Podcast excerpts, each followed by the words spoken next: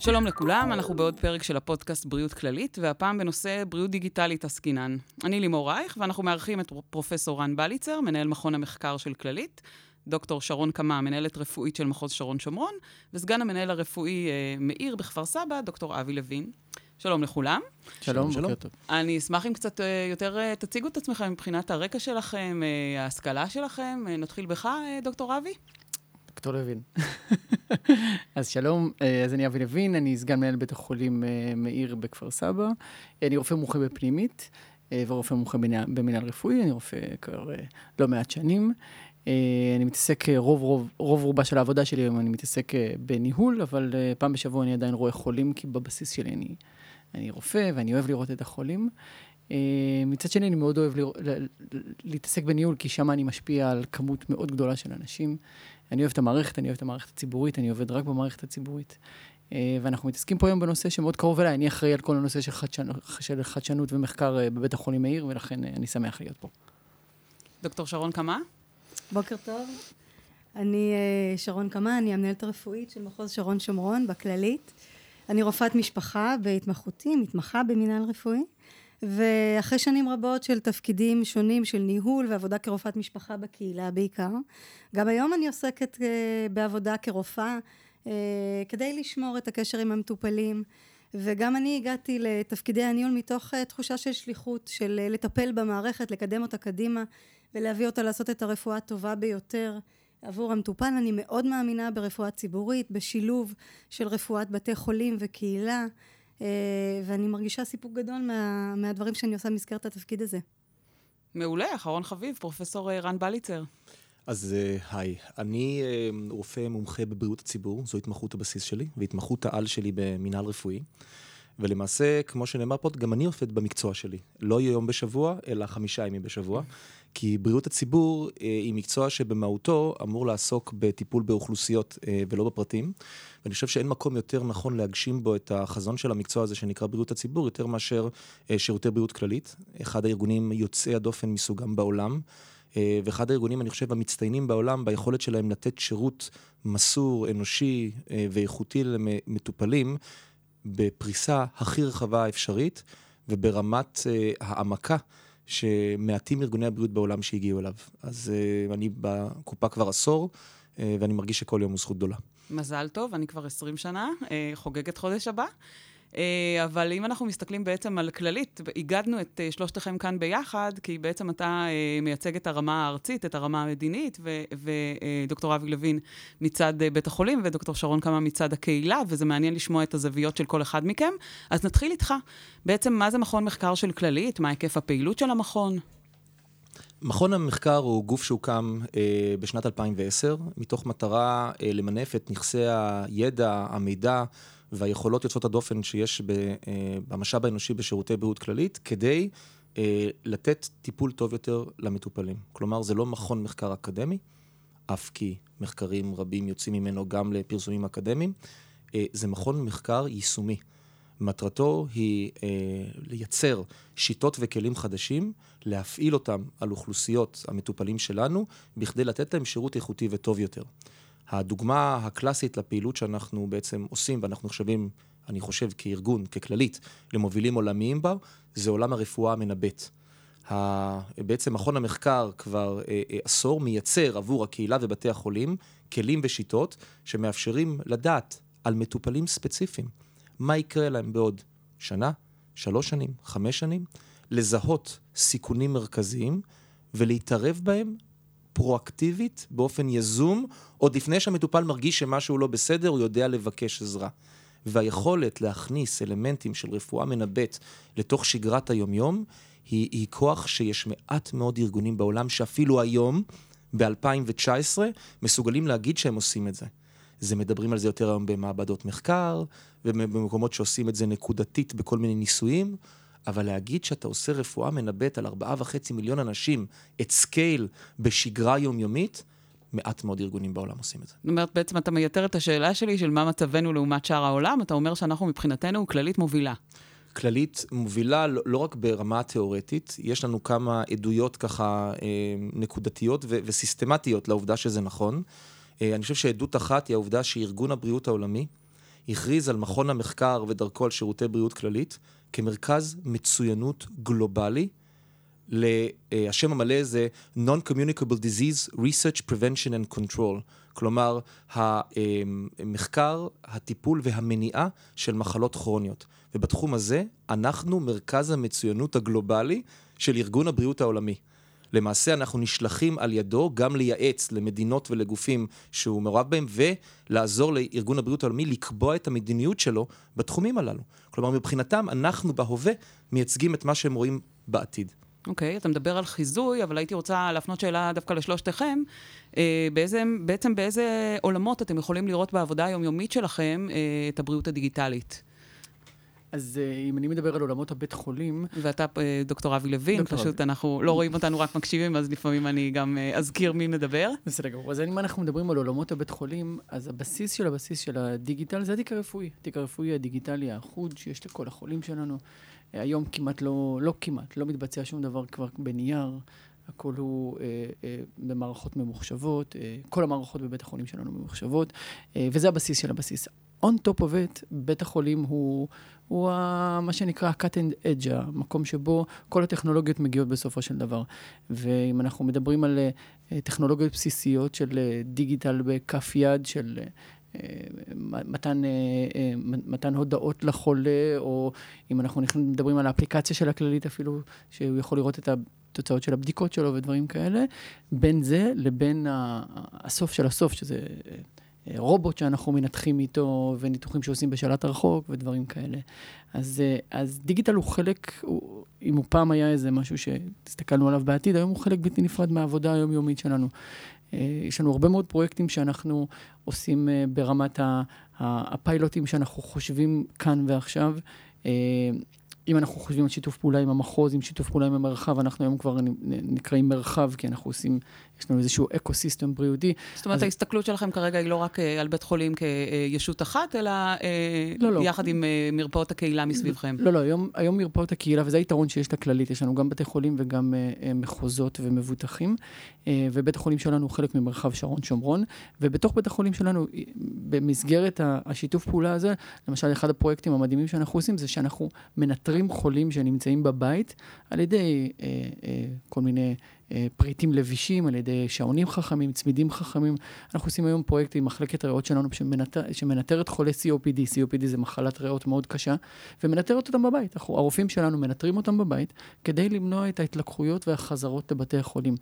ואם את שואלת אותי מה זה דיגיטל ואיפה אני רואה את זה בעתיד, השילוב בין בית חולים לקהילה הוא כבר לא יהיה, הוא, הוא, הוא, לא יהיה מעין הפרדה, זה יהיה מעין ישות אחת, שבו החולה מסתובב בתוך האקו-סיסטם שלו. מבחינתנו זה הבריא, מסתובב בתוך האקו-סיסטם נכון. שלנו. יש, יש הבריא, נכון. אה, מה מבחינת הקהילה? מה, מה, איך, איפה אנחנו פוגשים את הדיגיטל שם, את, את הבריאות הדיגיטלית בעצם? בקהילה הדיגיטציה כבר משולבת מאוד עמוק ובדברים שאנחנו כבר לוקחים כמובן מאליו. אה, לדוגמה, מרשמים דיגיטליים, זימון תור באמצעים מקוונים, ייעוץ טלפוני, אה, ויש במחוז שרון שומרון לדוגמה, שהוא מחוז מוביל בתחום החדשנות, תהליכים ופרויקטים של שיקום מרחוק אונליין, של התפתחות הילד אונליין, נותנים טיפולים לילדים מהבית המטפל והמטופל מהבית אה, מתקשרים ונותנים טיפול, אבחון וטיפול. אנחנו אה, בודקים מרחוק ילדים באמצעות המכשיר הטייטו המדהים, נכון, נותנים נכון. שירות אונליין בתחום הזה. אנחנו מפתחים שירותי בריאות הנפש מרחוק באמצעים דיגיטליים וחדשניים. בעצם אנחנו מסתכלים לראות מה הצרכים של האוכלוסייה ופועלים להנגיש את השירותים ולתת את הטיפול מותאם אישית לכל אחד בדרך שהכי טוב לו אה, לקבל את הטיפול ובהסתכלות באמת של רצף טיפול בית חולים קהילה קהילה שיש לה בית חולים ובית חולים שיש לו קהילה. אני רוצה שנדבר קצת על החסמים בכניסה לעולם הזה, כי אנחנו נמצאים בעולם הבריאות, עולם של אה, רגולציה, זה לא, זה לא, אה, בוא נגיד ככה, זה לא אקוסיסטום רגיל ש, שאנחנו מצמיחים שם סטארט-אפים בנושא וכל מיני פתרונות חדשניים. אני כן רוצה לשמוע מפרופסור בליצר מה החסמים העיקריים בעולם הזה, ואיך בכל זאת אנחנו גורמים להשקיע בתחום. חושב שהחסם העיקרי הוא אומץ, ומהבחינה הזו שירותי בריאות כללית אה, לקחה על עצמה תפקיד היסטורי, אה, לשבור כל פעם ולנתץ את, ה, את התקרות ולהתנסות בדברים חדשים. הדוגמאות שניתנו פה למשל, לכל הנושא של טיפול מרחוק, כללית הקימה את שירותי האונליין שלה לרפואת ילדים ואחר כך לרפואת משפחה, חמש ושש שנים לפני שהגורם הבא במדינת ישראל התחיל לעסוק בזה. ולקחה גם, גם סיכויים וגם סיכונים גדולים בעניין הזה, היא המציאה את כל השיטה ואת כל התורה. אה, ואפשרה, ועד היום הדבר הזה קורה. כל מטופל של כללית יכול בשעת אה, ערב או לילה או סוף שבוע להתקשר ולקבל שירות מרופא מהרמה הגבוהה ביותר, מרחוק ובחינם. הכללית היא הראשונה שהכניסה את המכשור שמאפשר לך בדיקות מרחוק. הטייטו המפורסם, אה, והיא הראשונה בעצם שעשתה את זה לפני שהייתה רגולציה שהגדירה בדיוק איך ומה ולמה וכמה. זאת אומרת, בעולם הזה של חדשנות ובריאות דיגיטלית, למעשה השטח הוא זה שמוביל, והרגולטור אה, מדדה מחזיק אחריו בניסיון אה, ככה לייצר אה, גדרות אחרי שהוא מבין מה, מה קורה כבר אה, פחות או יותר בשטח. ולמרות שהם עושים עבודה מאוד יפה, אני חושב, ברמת הרגולציה בשנים האחרונות בניסיון לייצר רגולציה מאפשרת, אה, עדיין אנחנו ממשיכים לראות שאנחנו כל הזמן כארגון מאתגרים את המערכת, מחדשים, לוקחים סיכונים וסיכויים, ו- ונותנים למטופלים שלנו את רפואת העתיד, גם אם עוד לא לגמרי ברור מה, מה התנאים ומה הגדרות הרגולטוריות. דוקטור לוין? דווקא אם את שואלת אותי, אני מסכים לחלוטין עם מה שפרופסור בליצר אומר, אבל לדעתי יש, יש עוד בעיה, והיא בעיה מרכזית, וזה כל נושא של אבטחת מידע והמידע של המטופל. המידע של המטופל, שהוא אחד הנקודות הבסיסיות, שהוא אחד האסנטים, אחד הנכסים החשובים ביותר שלו, אה, מהווים אה, בשבילנו נכס מאוד חשוב ומאוד יקר, אבל נכס שמאוד מגביל אותנו.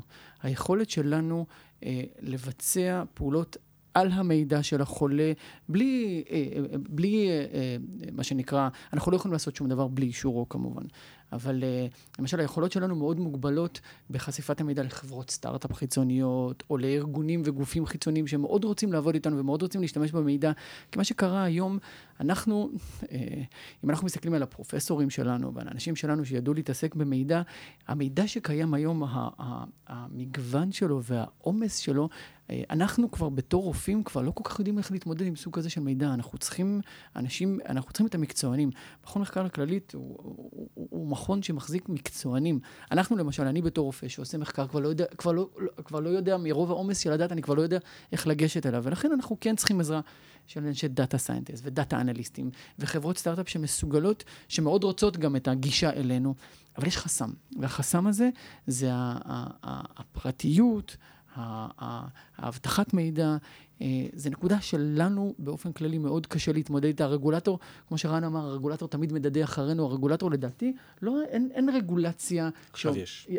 אבל היא לא מצליחה לעמוד בקצב של הזה, נכון? זה, זה נכון כמעט תמיד. אני רוצה להגיד, דרך אגב, ההערה הזו היא מאוד חשובה, מה שאמר אה, דוקטור לוין, ופה אנחנו אנשי בשורה, משום שממש בימים אלה, הכללית יוצאת במהלך שאני חושב שהוא ראשון מסוגו בעולם למיטב מה שאני מכיר. אנחנו מייצרים מערכת שתנגיש לכל uh, רופא uh, בכללית, בבתי החולים ובקהילה, מידע אחוד אינטגרטיבי, בית חולים וקהילה, מותמם לעילה. לפי כל ההגדרות המחמירות ביותר שנמצאות בתוך הרגולציה, ותאפשר לו לבצע מחקר על אותם מסדי נתונים בסביבה מאובטחת שאנחנו הקמנו למטרה הזאת. זאת אומרת, התייחסנו לכל האתגרים הללו שתוארו פה, ואנחנו מייצרים להם פתרון סיסטמטי, שלא יחייב אותם לרוץ כל פעם להנהלה או לאיזשהו גורם אחר אה, ולקבל סיוע פרטני, אלא באמת להיות מסוגלים לעשות את זה. עם זה, אנחנו גם אה, מקצים משאבים. כדי שבמרחבים יהיו גם אפידמיולוגים וגם data scientist וסטטיסטיקאים, כדי לאפשר לרופאים, לאחיות, לאנשי מקצועות הבריאות, לחוקרים, לכל מי שרוצה לעשות מחקר, לעשות מחקר בסביבה מאובטחת, ששומרת באופן מלא על פרטיות המידע, ומצד שני מאפשרת לעשות מחקר ברמה שלא הייתה אף פעם. וכל זה אה, ממש אה, אה, נמצא עכשיו בהרצה, ועד סוף השנה כבר יושק באופן פומבי. אני חייבת להגיד... בנושא של אה, הגנת מידע, אני חושבת שזה אחד הנכסים שלנו גם, שבעצם המטופלים שלנו יודעים שהמידע שלהם בידיים טובות. ובעצם אה, היתרון שלנו, שאנחנו יכולים להסתכל על זה ולהגיד, אוקיי, אנחנו עושים את המחקרים, את הכל, אה, גם כשאנחנו שומרים על הנכס הזה. דוקטור קמה, מה קורה בקהילה מהבחינה הזו של המחקרים? הקהילה עכשיו מרימה ראש בנושא הזה, זה תחום שהיה מאוד לא מפותח בקהילה בעבר. אה, ואנחנו ראינו בזה נקודת אה, יתרון להתחיל אה, לקדם חוקרים בקהילה. בעצם רוב הרפואה שנעשית במדינת ישראל נעשית בקהילה. רוב המידע יוצא מהקהילה והרבה מאוד מהמוחות וה, והמחשבות והרעיונות מגיעים משם אנחנו מקימים היום יחידת, יחידות מחקר במחוזות שנשענות על מכון המחקר ועל הכלים שהוא מייצר לנו ועובדות בשיתוף עם בתי החולים כדי לקדם את הנושא הזה ולהביא לתוצרים משמעותיים ואיכותיים וזו עוד נקודת חוזק מאוד משמעותית בכללית כארגון שמשלב את העבודה. מה, מה הם הסיכונים בעצם שאתם רואים, שלושתכם, כל אחד במקום שלו, אה, מבחינת כניסת אה, טכנולוגיה חדשה? סיכונים. אז אני חושב שהסיכון הגדול ביותר הוא שטכנולוגיה לא תיכנס. כלומר, אה, הסיכון הגדול ביותר הוא בסטטוס קוו. אנחנו חושבים שהקיים הוא בטוח והטכנולוגיה מביאה סיכון. מה שאנחנו לא לוקחים בחשבון, זה שנכון להיום, לפי רוב הנתונים שקיימים בעולם, משהו כמו 30% מהפעילות שאנחנו עושים היא פיוטייל, non-value added, over-use, over-diagnosis, over-treatment. 45% מהרפואה שאנחנו צריכים לתת לא ניתנת בסופו של דבר, לפי עבודות, החל מהראנד וכלה בעבודות אחרונות. ומה-Journal of Patient Safety של 2014 מדובר על משהו כמו אה, שמונה ג'מבו ג'טס פר דיי שמתרסקים אה, ומייצגים את האנשים שנפטרים ומאבדים את חייהם כתולדה מטעויות רפואיות. אני לא אומר רשלנות, יש שם מעט מאוד רשלנות והרבה מאוד טעויות. וההבדל בין רשלנות לטעויות הוא שכל אדם שהוא אנושי עושה טעויות. מערכת חכמה יודעת למנוע מהטעות האנושית להפוך לאסון. מערכת שעובדת עד הקצה, עם מעט מאוד רידנדנסי אה, ועם מעט מאוד אה, יתירות ובלחץ גדול, גורמת לכך שהיא לא מצליחה למנוע מכל טעות אנושית להפוך לאסון. כל הדברים הללו מייצגים תמונת מציאות שהיא קצת פחות מחמיאה ממה שהיינו רוצים לחשוב. זה נכון בישראל, שנחשבת למובילה ומצוינת. זה נחשוב, נכון למדינות באירופה, וזה בוודאי נכון לארצות הברית, שיש החושבים ששם זה הרפואה הטובה ביותר, אבל, אבל זאת מציאות. ואת המציאות הזאת צריך לשנות, ואחד ההבטחות והסיכויים המשמעותיים לשנות אותה, זה בעזרת כלים וטכנולוגיה מתקדמת. צריך להעז, צריך להתנסות, צריך לעשות את זה בזהירות ובאופן מושכל אה, ובתהליך הדרגתי, אבל זו ההבטחה הגדולה ביותר שיש לנו בעידן שבו העומס רק עולה, הצורך רק עולה, ואין יותר משאבים ואין יותר זמן רופא, למנוע יותר טעויות ויותר אה, אה, בעיות, היא להכניס טכנולוגיה חכמה. שתעשה חלק מהפעולות שרופא לא חייב לעשות ותעשה אותם אף טוב ממנו. ותשאיר לרופא לעשות את הדברים המהותיים של המקצוע שלו. זאת אומרת, מה שאתה אומר, שזה בעצם יפנה זמן לרופא לעסוק ברפואה, והעומס של הדברים הרוטיניים יותר יעברו אה, לאוטומציה. גם לאוטומציה וגם לסמי-אוטומציה. אם אני מנגיש לרופא את כל המידע שהוא צריך לקבלת החלטה, בנקודת קבלת ההחלטה, באופן מסודר ולעוס, אז הוא מקבל את ההחלטה, אבל במקום לעבור עכשיו 40 דקות ולחפש פיסות אינפורמציה ברחבי ה cyber space הרפואי, אה, והכל מונגש לו ברגע נכון, אז הוא יכול לקבל החלטה נכונה. הוא קיבל את ההחלטה, אבל חסכתי לו 90% מהזמן. מהזמן. איך את רואה את זה, דוקטור קמה, ברמה של מפגש מטפל-מטופל בחדר הרופא? Uh, עוד תחום שמאוד uh, יכול uh, להסתייע מטכנולוגיה זה נושא של רצף טיפול והנגשת מידע באינטגרציה של המטפלים בכל האקוסיסטם של, ש, שמטפלת במטופל מסוים. היום מטופל שנכנס לחדר של רופא, כמות המידע שרופא צריך לעבור עליה ולתעדף מתוכה מה בעל ערך ומה לא היא עצומה וכמו שאמר פרופסור בליצר היכולת שלנו לתעדף את המידע הזה, למקסם את הזמן של המטפל כדי לתת ערך למטופל, היא המשמעותית ביותר, וזו, וזו הנקודה החשובה בנושא הזה. דוקטור לוין? אז אני חושב שכמו שאמר רן, אחד הנקודות, אחד החסמים המרכזיים לטכנולוגיה זה קיבעון, זה חשש. אה, וזה מחבר אותי, זה חשש אה, לא רק, של ה, לא רק של האנשים מסביב, אלא גם של גילדת הרופאים. זה מחבר אותי לאחד הנושאים שאותי באופן אישי נורא מעניינים, שזה נושא של artificial intelligence למשל. אנחנו בבית החולים שלנו עושים אה, אה, פרויקט ועובדים כבר בעבודה הקלינית בצורה מדהימה ברנטגן, artificial intelligence, ברנטגן בינה מלאכותית שעוברת על הצילומי רנטגן שלנו. ומפענחת יחד עם ה... מגישה לרופא את הפענוח מהצד שלה, וכשניסינו להכניס את זה, אז היו, אה, היו היו דעות של הרנטגן, הרנטגנולוגים, של המומחה ברנטגן, של הרופאים, מה זאת אומרת? זה יחליף אותנו, אנחנו לא מוכנים שמכונה תעשה את העבודה במקומנו, מכונה לעולם לא תהיה טובה מאיתנו. אז וכשאנחנו ניסינו לפצח את זה, לנסות, אה, מה שנקרא, להושיב אותם על השולחן ולהביא אותם לתוך, ה... מהפחדים ומהחששות שלהם, אה, אז, אז בהתחלה הראינו להם מחקרים, ואמרנו להם, מה פתאום, זה as good as רופא, וזה טוב כמוכם, וכשראינו שאנחנו עושים בדיוק את ההפך, ניסינו לגעת ולזקק מה, מה מפריע, מה, מה, למה הם אומרים את זה, מה הפחד האמיתי שלהם. ואז גילינו שזה לא באמת uh, הפחד שלהם שהם יחליפו אותם, כי מכונה כנראה לא תחליף אותנו.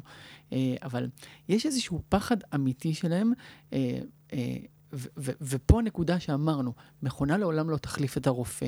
מכונה כן תחליף את הרופא שלא ישתמש בה. כי רופאים שלא ישכילו אה, ויישארו מקובעים ולא ישכילו אה, להתקדם עם הטכנולוגיה ולעבוד side by side בטכנולוגיה, צד לצד עם הטכנולוגיה. שרון ורן אמרו שהיום הטכנולוגיות מנגישות לנו ונותנות לנו את החומר, את, ה, את המידע לעוס בדיוק כמו שאנחנו צריכים אותו, כי המידע הוא כל כך פרוס. רופא שלא ישכיל ל, אה, לעבוד יחד עם הטכנולוגיה, אלה הרופאים שיוחלפו. אבל רופאים לא יוחלפו על ידי מערכות, או לפחות ככה אני נוטה להאמין. אני באתי מעולם משאבי אנוש, ובעצם היה לי פעם חלום, כי אמרתי, אם, אם, אם רובוטים בעצם יחליפו את אנשי הצוות שלנו, מה שלעולם לא יקרה כמובן, אבל לפחות בנושא ההדרכה אני אוכל, אה, אה, אני אוכל לפצח את זה. זאת אומרת, אם עכשיו הייתי צריכה להכשיר צוות, ואנחנו כל פעם צריכים להכשיר אותם בדברים חדשים, אז פשוט כולם היו הרי מחוברים ברשת אחת, אנחנו עושים דאונלוד לתוכנה, כולם מקבלים את אותו עדכון, אבל זה לא מה שקורה בעולם האנושי, ואנחנו צריכים לראות בעצם איפה כן ואיפה לא. וזה מוביל אותי לשאלה הבאה שלי, איפה אתם רואים בעצם את החיים הדיגיטליים שלנו בעתיד. יכול, אה, פרופסור בליצר דיבר על חיזוי, יכול להיות שאנחנו היום יותר, אה, תתקנו אותי אם אני טועה, מתמקדים בניטור של חולים, ואולי אנחנו נתמקד בניטור של בריאים. איפה אתם רואים את זה עוד כמה שנים? נתחיל מהרמה דווקא הארצית או הלאומית, העולמית, פרופסור בליצר? אז אה, אני חושב שיש כמה טרנדים שמתחברים ביחד, אבל אני חושב שאם לתת דוגמה אחת ולדבר עליה טיפה, זה הנושא של רפואה מותאמת אישית. בסדר, אם הייתי צריך לבחור נושא אחד. אה, אנחנו היום בעצם כבר עושים רפואה מותאמת אישית, יגיד כל רופא משפחה. מה זאת אומרת? יושב המטופל מולי, אני מסתכל על, לא רק על התיק שלו, אני מסתכל עליו, אני מסתכל על בני המשפחה שלו, אני מסתכל על מצב החיים שלו, ואני מתאים את ההחלטות שלי לפי מה שמטופל צריך.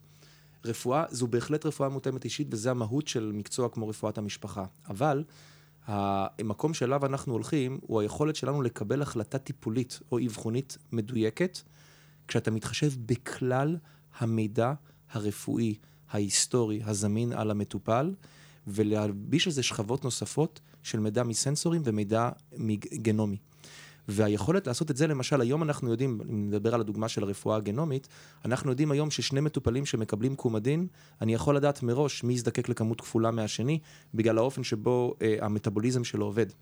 אה, אני יכול היום לדעת, על ידי זה שאני אוסף אה, מידע מהרבה מאוד גנים יחד, לייצר על אדם מסוים אה, תמונת סיכון גנומית שלו, שדומה לסיכון שלו אם הוא מעשן או לא מעשן.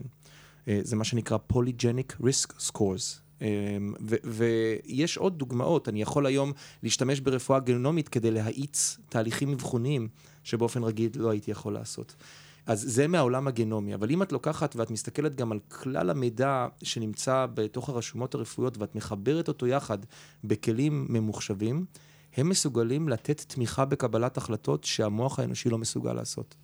ולכן הן מסוגלות להתאים ולהגיד לאדם מסוים, נכון יותר טיפול א', ולאדם אחר טיפול ב'. לגידול מסוים נכון יותר טיפול א', ולגידול אה, אחר טיפול ב'. אה, ואותו הדבר אפשר להגיד גם על התהליך האבחנתי. אז אם את שואל אותי, אחד הדברים הגדולים שהשתנו, זה המעבר מרפואה אינטואיטיבית במסות, בשכבות שלמות של אוכלוסייה, בגיידליין שנמצאים על השולחן של הרופא עם כזה ציור של מאוינים, שאומר אם כן לך ימינה ואם לא לך שמאלה, ואז בעצם כל האוכלוסייה האנושית מתפלגת לשלוש קבוצות, קבוצה א' טיפול א', קבוצה ב' טיפול ב', לא. זאת אומרת, לא יהיה לנו יותר את הנורמה. זאת אומרת, אם יש לך המוגלובין A1C בין 2 ל-5, אז אתה בסדר, אם לא, אז לא. בעצם אתה אומר, יסתכלו על כל אדם בנפרד ויראו את מכלול הדברים שמרכיבים אותו ואיפה הוא אמור להיות. ברור לך שזה מופרך להגיד שאם יש לי 125 במדידה אחת של זה, יש לי מחלה, ואם היה 124 אז אני בריא. אוקיי? זה, זה ארביטררי לחלוטין, וזה תלוי גם איפה תפסת אותי במהלך היום בבדיקה, וזה תלוי בעוד אלף גורמים אחרים. אה, כל השיטה שבה אנחנו עובדים היא שיטה שנועדה להנגיש החלטות מורכבות למוחות פשוטים. שלא מסוגלים לקחת בחשבון יותר מנגיד שלושה מרכיבים בו זמנית בקבלת ההחלטה, כי, כך, כי ככה עובד המוח האנושי. מרגע שאתה אומר שלא חייבים לעבוד ככה, אז, אה, אז, אז זה עובד אחרת. ואת יכולה להסתכל על זה בכל דבר שהיום אה, אה, כבר מערכות שאומנו, עברו training בעזרת בינה מלאכותית לקבל החלטות מורכבות, וכבר מוכח שוב ושוב שהן עושות את ההחלטות הללו. עדיין החלטות מאוד פשוטות, ולא החלטות מאוד מורכבות, אבל בהחלטות הפשוטות הללו, הן טובות יותר מבין האדם. והדוגמה של קריאה של תצלום אה, רנטגן היא הדוגמה הקיצונית לכך שלא הגיוני שמישהו פה יחשוב שרנטגנולוג טרוט עיניים בשעה אחת וחצי בלילה אחרי משמרת שנייה שמסתכל על פרוסה מספר 700 בתוך ה-CT יהיה מסוגל לזהות אה, אה, ממצא יותר טוב ממערכת שאומנה על ידי מיליונים, היא לא, לא מתעייפת לעולם, והיא מסוגלת לזהות. אני אתן אולי דוגמה אחת קיצונית. בעזרת עבודה שלנו עם, עם אחד השותפים שלנו, אה, חברת זיברה מדיקל ויז'ן, שהיא שותפה של הכללית כבר, כבר תקופה ארוכה, הצלחנו לאמן את, ה, את האלגוריתמים להסתכל על חוליות או על עצמות, ולהגיד באיזה מהם מסתתר סימן לאוסטרופורוזיס. אין רנטגנולוג שיודע להסתכל על CT ולהגיד שהוא רואה אוסטרופורוזיס. אבל מכונה יכולה לעשות את זה. ואפשר לתת עוד הרבה דוגמאות כאלה. אז היכולת שלנו to augment the human capabilities בעזרת Machine Learning ו- ובעזרת מידע מסנסורים ומידע מתמונות ומידע שנקרא בלתי מובנה, אנחנו רואים את ההתחלה שלו, אין לדעת לאן זה יגיע. איך את רואה את העתיד, דוקטור קמה? ואם ניקח את כל מה שנאמר עכשיו בכיוון של רפואה מותאמת אישית ונשלב אותה באיזשהו מתווה של מרפאה עתידית, שבעצם העתיד הזה כבר כאן, אז בחזון שלי נשלב את היכולת לתת רפואה מותאמת אישית לבן אדם מסוים אל דפוסי הצריכה שלו והעדפות שלו כדי לשפר את ההיצמדות שלו, את הדרך שבו הוא מאמץ ומבצע את ההמלצות הרפואיות שלנו כדי להביא את עצמו לבריאות טובה יותר. וניתן לו שירות באמצעים דיגיטליים אל מול אישיים מהבית או בתוך המרפאה באמצעות מטפל הזה או אחר בשעה זו או אחרת אה, ונביא לזה שהוא יקבל את השירות המהיר ביותר, היעיל ביותר, שממקסם את הערך למטופל, למטפל ולארגון שנותן לו את המשאבים לטיפול הזה. דוקטור לוין? אז אם, אם אני מסתכל על עולם בתי החולים, אה, ב vision שלי, וזה אני חושב שיהיה העתיד, אה, החולים אה, בתוך האקו-סיסטם של, ה, של הקהילה, של הבית, של הרפואה ושל הבית החולים, אה, בית החולים יהווה ממש ה-cutting edge של ה... בסוף. כלומר, את כל, ה, את כל הרפואה ינהלו בקהילה. בית החולים יהווה מרכז רפרל לקהילה, יכשיר את המומחים, ייתן את ההכשרה, אבל האדם יפגוש את בית החולים רק באמת בנקודות מאוד קיצון בחייו. האשפוזים יעברו לאשפוזי בית, החולים יקבלו את הטיפול הטוב ביותר שלהם בבית, כי זה מקומם. אה, אה, ובאמת יפגשו את אה, בית החולים בניתוחים, בפרוצדורות מורכבות, בדברים שאי אפשר לעשות בקהילה. אנחנו נהפוך להיות באמת אה, בתי חולים מתמחים, כמו בהרבה בתי חולים בעולם. אה, בית חולים עם אלף, אלף מאתיים מיטות, שפה יש לנו לא מעט בתי חולים כאלה, בעולם זה לא דבר נפוץ. אתה לא רואה את זה בכל מקום, בתי חולים בסדרי גודל כאלה. בתי חולים המאוד מפורסמים בעולם הם לא בתי חולים שמחזיקים 1,200 ו-1,400 ו-1,500 מיטות. אצלנו בארץ זה, זה מקובל. אנחנו בית חולים מ-800 מיטות, 800 מיטות, אתה מסתובב בעולם ואומר, 800 מיטות, מסתכלים עליך, וואי, זה בית חולים גדול. כמובן, לא בסין ובמקומות כאלה, אבל, אבל בעולם, בדרך כלל, בעולם המערבי, בתי חולים הם לא בתי חולים גדולים, הם בתי חולים מתמחים, אה, בתי חולים לאונקולוגיה, בתי חולים children hospital, בתי חולים לאונקולוגיה, הם הם בתי חולים מתמחים שמתעסקים במה שנקרא ב cutting edge והכל נעשה בסביבה הטבעית של החולה. היום יש לנו את היכולות כבר, הניטור, המעבר מידע הלוך ושוב, שירותי ה... מעבר מידע בין בית חולים לקהילה ולהפך? בין בית חולים לקהילה, כן, mm-hmm. שירותי הטרנספורמציה. היום מד"א כבר משדר לנו אה, אה, נתונים, מד"א היום כבר מתקשר איתנו ברמות הכי בסיסיות, לא כבר היום, אבל עוד הרבה לפני זה, חולים לא מגיעים אפילו לחדר מיון, מגיעים יחידות ל, אה, ישירות לחדרי צנתורים, ליחידות לצנתורים. כלומר, בית החולים יפסיק להיות איזשהו אה, מקום שבו אה, לעתים אה, רופאי המשפחה שולחים כי הם לא יודעים מה לעשות, או זה, אלא ממש נקודה קטנה במפגש המפגש אקוטי של החולה עם, עם הדברים החריפים באמת, ואז חזרה לקהילה. פרופסור בליצר? אבי דיבר על ההיטשטשות של הגבולות בין בית החולים לקהילה, וזה באמת תופעה אה, מאוד מרכזית שקורית ותקרה עוד יותר. ואני רוצה שנייה לחשוב על היטשטשות הגבולות בין ארגוני בריאות וארגונים טכנולוגיים. וגם זה דבר שקורה והוא מאוד מעניין. משום שהיום הדיכוטומיה היא מאוד ברורה, אבל אנחנו רואים יותר ויותר איך הרפואה הופכת למקצוע למדע מדויק.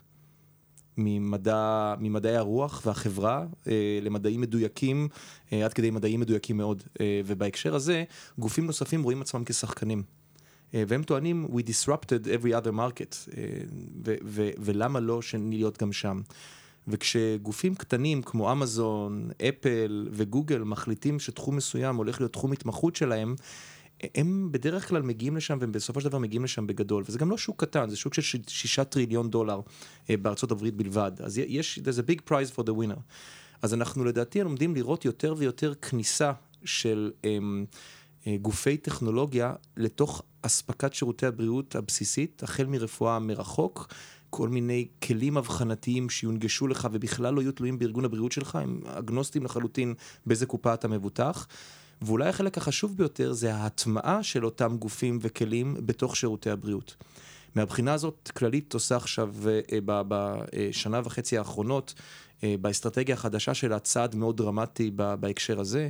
כללית קיבלה החלטה שחדשנות, חדשנות ומחקר, הולך להיות פילר מאוד מרכזי באסטרטגיה הארגונית, ומקימה כעת את אה, מערך החדשנות הארגוני, ועושה צעדים מאוד משמעותיים לפתוח את הארגון. לחדשנות מן החוץ ולכלים טכנולוגיים, ולוודא שכללית תהיה ארגון שיודע להזמין ולהטמיע אה, את הכלים החדשים והטובים ביותר שנמצאים באקוסיסטם המקומי הגלובלי ושיוטמע בתוך המוסדות אה, ובתוך הכלים הארגוניים. אני מניחה שלאור הגודל שלנו אנחנו מאוד מחוזרים, גם מבחינת חברות סטארט-אפ ומבחינת חברות שרוצות גם, גם להתנסות ב sandbox שלנו וגם בעצם להטמיע טכנולוגיה. לגמרי. הכללית היא ארגון מיוחד מהרבה בחינות. ראשית הוא ארגון גדול, כ-integrated primary, secondary, tertiary care, ארגון שמכיל גם ספק וגם מבטח וגם את כל סוגי שירותי הבריאות, הוא נחשב לאחד הגדולים בעולם, יש האומרים השני בגודלו בעולם, אמ, כארגון אינטגרטיבי לא ממשלתי. אה, דבר נוסף שהופך אותנו למיוחדים זה ה data set. כלומר, יש לנו data set שהוא מעטים מאוד הגופים בעולם שיש להם 20 שנים של דאטה, קהילה ובתי חולים, integrated בתוך מסד נתונים אחד. בארץ אין עוד אף אחד שמתקרב לזה. גם בעולם אין המון גופים שיכולים להגיד שיש להם את, ה, את היכולת לעשות זאת. ולבסוף, אנחנו ארגון שיודע להטמיע כלים ושיטות באופן רוחבי. כלומר, מרגע שמתקבלת החלטה שמשהו שיטה טיפולית רצויה או גישה ניהולית נכונה, יש לארגון המיוחד הזה את הכלים לבוא ולהטמיע אותו בכל קצוות הארץ אה, ובכל בתי החולים, ואני חושב אחת החוזקות, למה, למה כל עולם האיכות התחיל בכללית. ועד היום הכללית היא המובילה בכל בתי החולים בישראל, אה, בעולם האיכות וגם בקהילה. משום ששנים לפני שמישהו אחר חשב לעסוק בזה, כבר היו מערכות ומחלקות בהנהלה של כללית ובמוסדות שעסקו בזה. ולכן עד היום כל הנושא של הקרדיטציה התחיל בכללית, כל הנושא של בקרת איכות ומדדי איכות התחיל בכללית.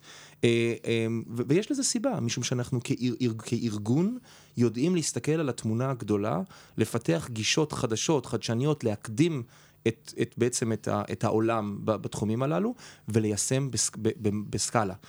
אה, וזה הופך אותנו לסופר אטרקטיביים.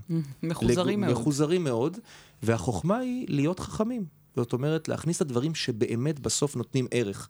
ערך למטופל, ערך למטפל, וכשאני אומר ערך למטפל, אני חושב שסביבת העבודה של המטפל שלנו צריכה להשתנות. היא צריכה להיות נוחה יותר, נכון. היא צריכה להיות אה, אה, אה, מכבדת יותר את זמנו. של המטפל, היא צריכה אה, למצות את הזמן שיש לו מול המטופל ולאפשר לו לעשות את מה שחשוב, וכל זה אפשר להשיג גם בפיתוחים פנימיים, אבל גם הרבה מאוד בחדשנות מן החוץ. ובאסטרטגיה החדשה אנחנו מאוד מכוונים לשם, והשנים הקרובות יהיו שנים של שינוי גם בהקשר הזה. אני רוצה להפנות שאלה גם לדוקטור לוין וגם לדוקטור קמה. אנחנו מדברים פה על חדשנות מן החוץ, אנחנו מדברים פה על הטמעה של דברים מלמעלה למטה, אבל אני רוצה לשאול מה קורה אה, עם העובדים. האם יש לנו תהליך של בוטם זאפ, של, של עובדים מעלים למעלה? נתחיל איתך, דוקטור קמה. אה, קודם כל, תודה על השאלה. התהליך הזה של פתיחת הארגון לחדשנות יצר תהליך מדהים מקביל של, של בדיוק מה שאמרת. אה, של עובדים שבאים ולוקחים חלק בתהליכים של חדשנות. אנחנו משתמשים בחוכמת ההמונים ובתהליכים משותפים. סדנה משותפת שאבי ואני לא מזמן קיימנו, בית חולים וקהילה ביחד, של צוותים שיושבים ביחד, מגדירים צרכים ומעלים רעיונות לפתרונות. אה, מתוך הניסיון שלהם, מתוך המקצועות שלהם, והפתרונות האלה עולים חזרה למעלה לפיתוח וליציאה לקולות קוראים לחברות. בעצם אנחנו סוגרים בזה מעגל, אנחנו פתוחים מבפנים ומבחוץ לכל התהליך הזה של חדשנות, וזה גם מה שמאפשר תהליך של הטמעה כל כך משמעותית וכל כך פתוחה, כי בעצם הארגון כולו מדבר חדשנות. מה קורה אצלכם? אני מבינה שיש קשר בין אה, בית חולים לקהילה, אבל אה, מהנקודת מבט שלך, של בית החולים? נכון, אז כמו ששרון אמרה, אז עשינו את הסדנאות ביחד, וזה באמת מתחיל להגיע כבר מה bottom, מה, מהאנשים, כי אם אתה שואל את האנשים מה מפריע להם ומה האתגרים, שם אתה תמצא את המקומות.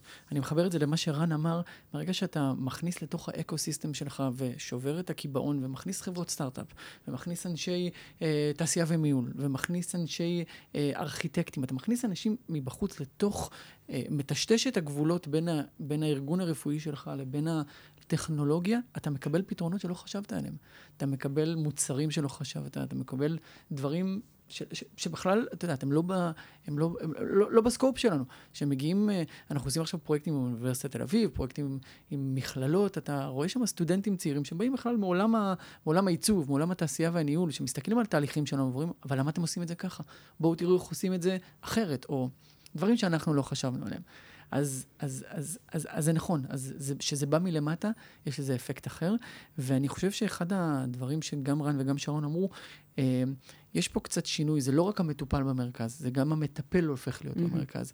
צריך להיות שינוי מאוד דרמטי בהתייחסות אל המטפל, כי המטפל הוא חלק מהטיפול הרפואי של החולה.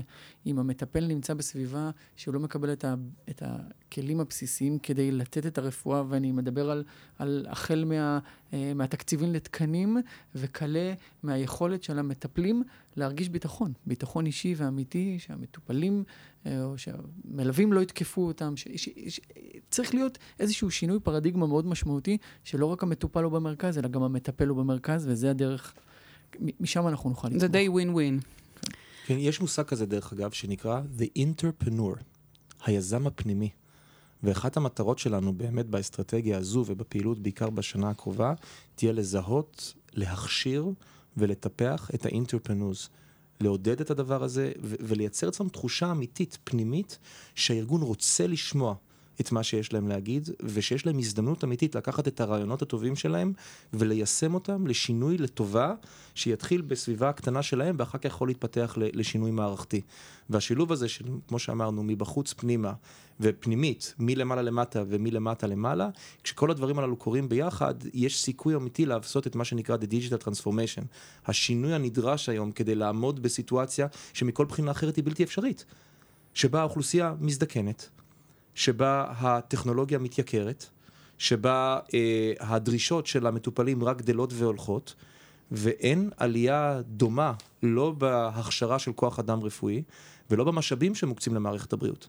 כשאת מסתכלת על כל המגמות האלה, המגמות המתנגשות האלה, זה לקראת קיר בטון. זאת אומרת, אין, אין איזושהי דרך ל, ל, לפתור את, את, את המעגל הזה אם אתה לא שובר אותו. ובתפיסה גדולה של מדיניות, הדרך היחידה לשבור אותו היא באמת על ידי חדשנות טכנולוגית עמוקה, שמשנה את כללי היסוד של שיטת העבודה, שמביאה רפואה אחרת, נכונה יותר, שמתייחסת ולמשאבים שלה בחוכמה ומנצלת אותם באופן אה, הגיוני לאור המקום שבו הם משפיעים באופן מהותי, ולא מבזבזת את זמנם בפעולות שהם לא אמורים לעשות. ופה יש לטכנולוגיה, יש לנו הזדמנות אדירה לשנות את המערכת. נכון, צריך רק לזכור דבר אחד, שהטכנולוגיה היא הכלי, היא לא המטרה. נכון. היא הכלי שלנו כדי להשיג את הטיפול הטוב ביותר, כדי להשיג, אבל, אבל לפעמים אנחנו חוטאים ואנחנו אנחנו מכוונים לטכנולוגיה ולא, אנחנו מפספסים שבדרך שהיא היא, היא, היא פשוט כלי. אני חושבת שאתה מוביל אותי לשאלה שמסכמת את הפרק. איפה בעצם נמצא הגבול? איפה יש לנו שלט אין כניסה שאומר עד פה הטכנולוגיה, לכאן היא לא נכנסת? אני לא חושב שיש לנו מקום כזה שיש בו גבול, אבל אני חושב שיש מקום ש, שבו יש, אה, אה, אני לא אקרא לזה הפרדה מאוד ברורה, אבל אה, יכול להיות שרן אולי יחלוק עליי, אולי גם שרון טיפה יחלוק עליי, אבל לדעתי מכונה לעולם לא תצליח להחליף את הרופא בנקודה אחת ספציפית. אחרי שחולה נכנס אליי לחדר, או אם אני במיון, ברגע שאני רואה את החולה, אחרי חמש שניות בערך, או אחרי שלוש שניות, אני יכול להגיד אם יש פה משהו דרמטי או לא. מחשב לא יוכל לעשות את זה אחרי שלוש שניות. הוא לא יוכל, יש משהו בטאץ', משהו בתחושה של הניסיון. זה, זה, זה משהו שנוצר בניסיון. שעומד מולך חולה, והוא נראה לך שהכל בסדר, המדדים שלו בסדר וזה. משהו מריח לך, אנחנו קוראים את זה ככה, משהו מריח לך לא טוב עם החולה הזה. בעיניך שום אלגוריתם שיפותח לא יכול להחליף את האינטואיציה הזו? קשה לי להאמין, אני יודעת למה? כי אנחנו בדרך כלל מאמנים אלגוריתם, ואם יבוא אליי מתכנת מחשבים וישאל אותי, בוא תסביר לי, מה זה התחושה הזאת? מה, מה מריח לך לא טוב בחולה הזה? אני לא יודע להגיד, אני לא יודע להסביר את זה. ולכן, אה, הוא, הוא לא ידע לאמן את המכונה שלו על פי הפרמטרים שאני נותן לו, כי... משהו, בת, לא יודע, עם הצבע של החולה, איך שהוא עומד, או איך שהוא מגיב, או איך שהוא מדבר. יש, יש איזו תחושה שבתור רופא אתה יכול, ממספיק ניסיון אחרי כמה שניות לדעת אם עומד מולך דרמה, או עומד מולך, כמובן שיש פספוסים, אבל אם עומד מולך דרמה, או עומד מולך משהו שאתה יכול, איך אומרים? ללכת איתו לאט. זה, זה במקום שלי, אבל... דוקטור קמה, מה את חושבת? יש אה, שלטי אין כניסה בדרך? אני לא רואה שלטי אין כניסה, אני חושבת שבכל uh, צומת החלטות אתה צריך לראות מה יש, מה יש להרוויח ומה יש להפסיד. ובסוף uh, המטפל, רופא, uh, איש מקצועות הבריאות uh, תמיד יישאר שם, תמיד יהיה צורך במבט בעין, בקשר האישי ובאינטואיציה כמו שדיברת. וכל השאר, כל האמצעים הטכנולוגיים תפקידם לסייע, לעזור, כמו שאמרנו למקסם את הערך. והערך הוא עבור המטופל בסוף אנחנו צריכים להביא את המטופל למקום הבריא ביותר אה, שהוא יכול להיות בו ולכן כמו שאמרתי לא צריך לחשוש לא צריך לפחד מהפחד וצריך להתקדם קדימה ולהסתכל על העולם הזה קדימה. פרופסור בליצר? אני דווקא מאוד מפחד. כלומר, את כל הפעילות שאנחנו עושים, אני עושה בחשש גדול ותוך בדיקה מתמדת לראות uh, are we overdoing it? האם אנחנו בכל מה שאנחנו מכניסים, uh, בכל פעולה ובכל רעיון ובכל כיוון, מה בסוף האימפקט החיובי על המטופל בסופו של יום, ואסור לקחת את זה בקלות ראש. דברים, אם יש דבר שהרפואה לימדה אותנו, זה שלא כל מה שהגיוני שעובד, באמת עובד.